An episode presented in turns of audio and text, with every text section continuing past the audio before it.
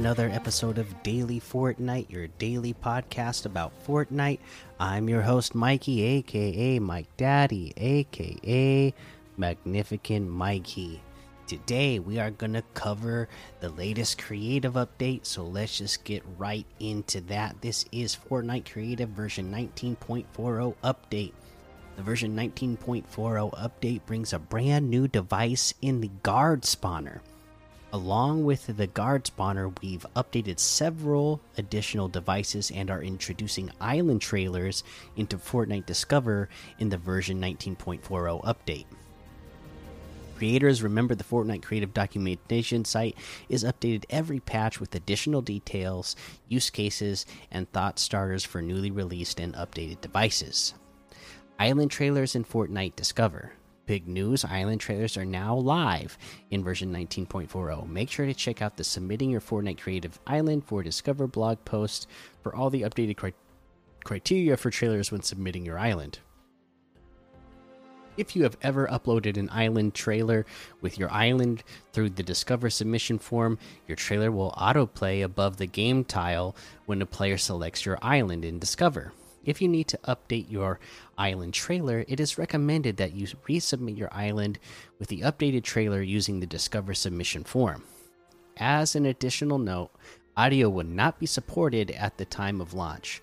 Also, if a trailer is uploaded, it will supersede the current render image when a player expands your game to learn more.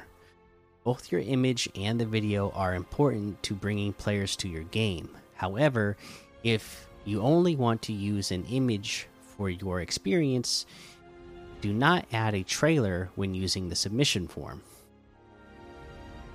New guard spawner.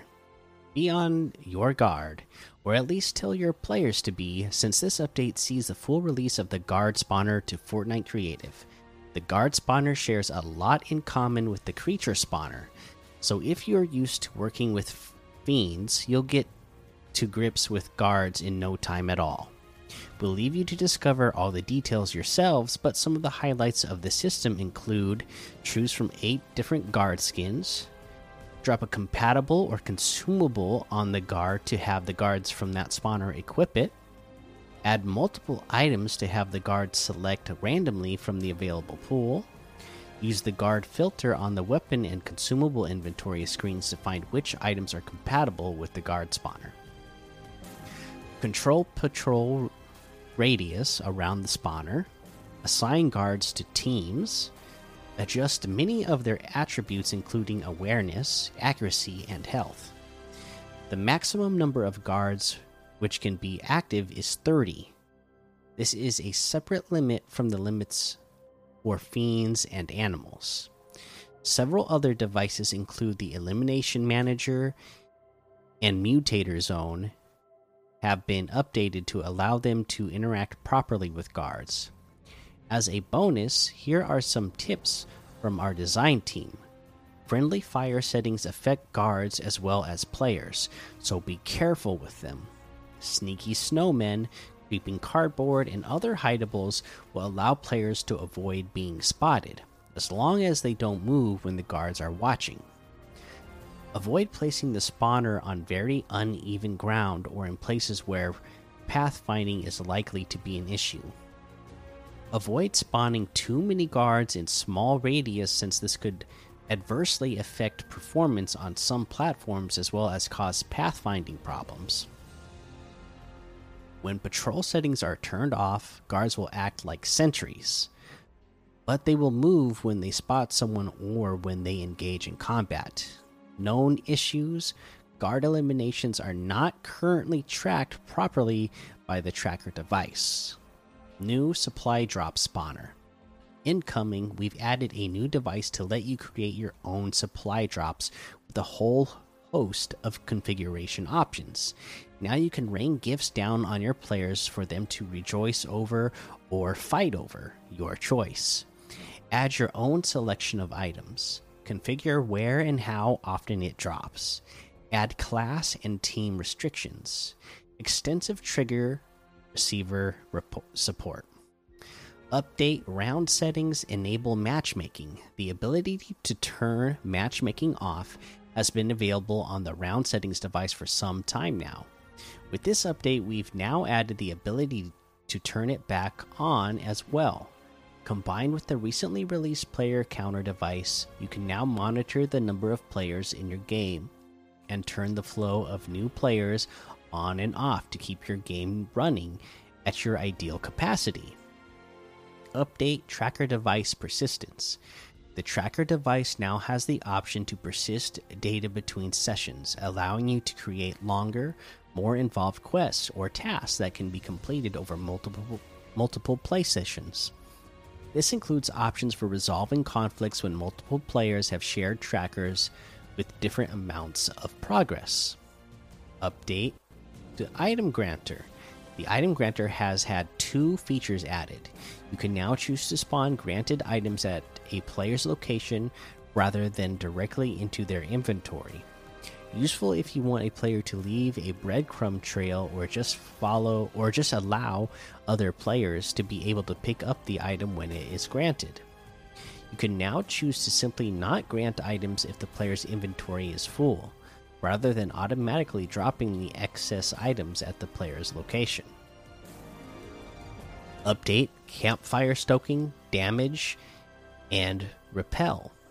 The campfire has had several new options added. You can now allow players to stoke the fire, add fuel, while it is still burning, rather than having to wait for it to run out before relighting. The campfire can now repel enemy fiends and animals. Enemies which enter the campfire's area of effect will flee from it for a few seconds before attempting to reacquire targets. The campfire can now also damage fiends and animals which enter its area of effect. Other feature updates they added some fantasy background music tracks to the radio device, added support for larger resource numbers in the UI, and increased the maximum resource cap to 2.1 billion. This applies to gold coins and other resources, but not building materials such as wood, stone, and metal. Prefab and gallery updates. They added three new prefabs background snow dune small, medium, and large. They added three new galleries background snow dunes gallery, tall grass gallery A, the tall grass featured on the chapter 3 battle royale map, and tall grass Gallery B, a unique creative version of tall grass. Added an International Women's Day flag to General Props Gallery A. For known issues, we are aware of a material issue happening when using the background snow dunes on Nintendo Switch. Uh, they have some prefab and gallery fixes, device fixes, gameplay fixes, and UI fixes as well listed here. Uh, but that's what we're going to cover today. That is your creative update. So get in there and create. You know, uh, my. 10 uh, year old and 5 year old uh, have been really into Fortnite creative lately. Just getting the, in there and building things. Uh, so it, I know a lot of people are having fun and they're just, you know, even without getting into the super detailed aspects of like creating a game, even the younger uh, people playing are just having fun getting in there and building things and making things out of the props that they have in there and making cool looking uh, themed islands. So uh, go check it out. They got so many cool things in there now. All right. Uh, that was the update. That's the news for today. Let's go ahead and take a look at some of these LTMs that we can play right now. Things like Mansion in Mountains, Gun Game XP, Rocket versus Cars, Giant Ramp, OG Infection, Inaba Season 4, uh, Dots and Boxes, Llama Runners, Pro Ghost versus Shadow TDM, Color Block Gun Game.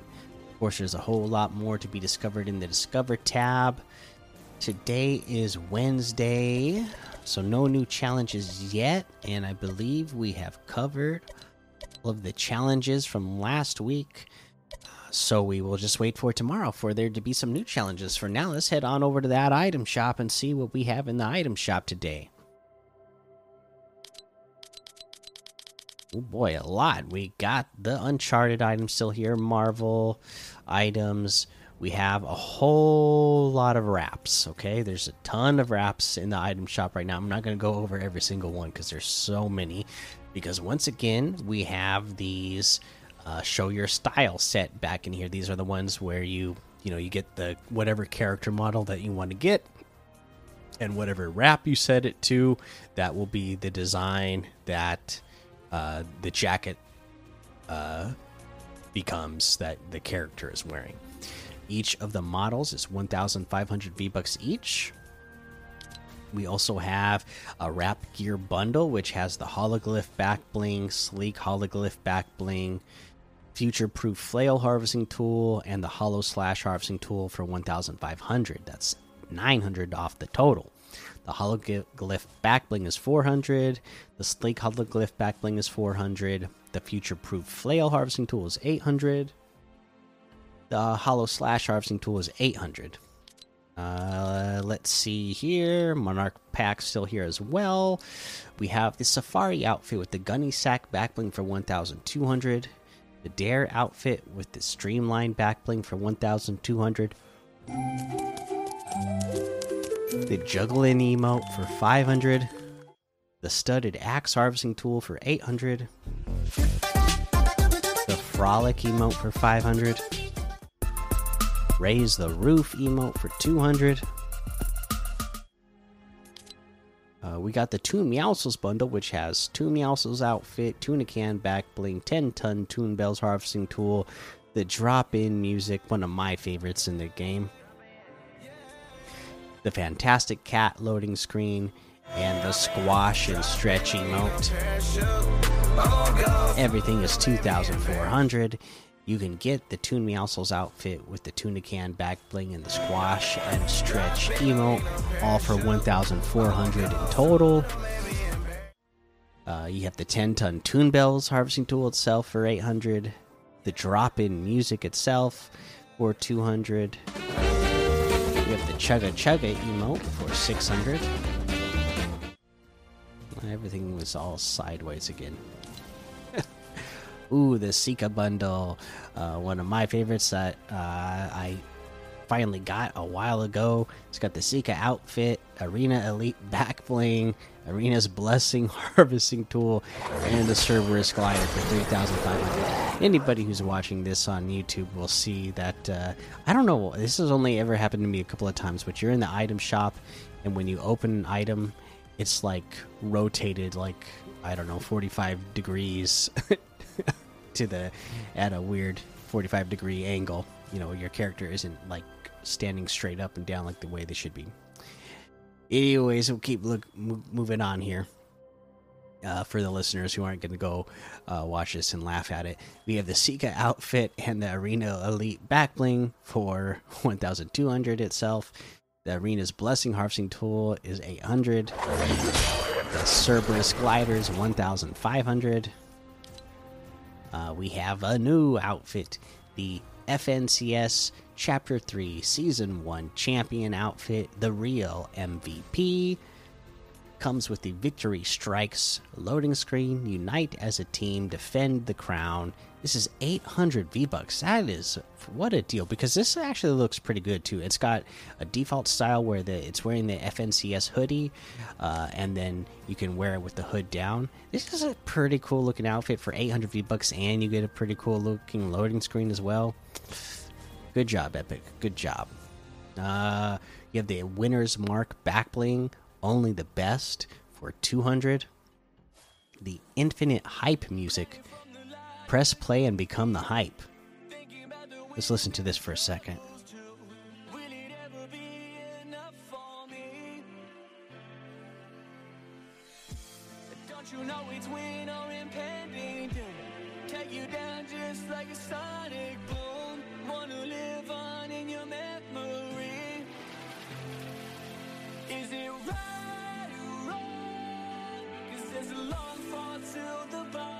So Okay, yeah.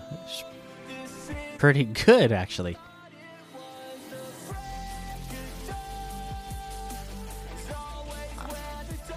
I, I, I don't know who they got to to sing this and make the music, but yeah, pretty good, pretty cool. I'm I'm impressed.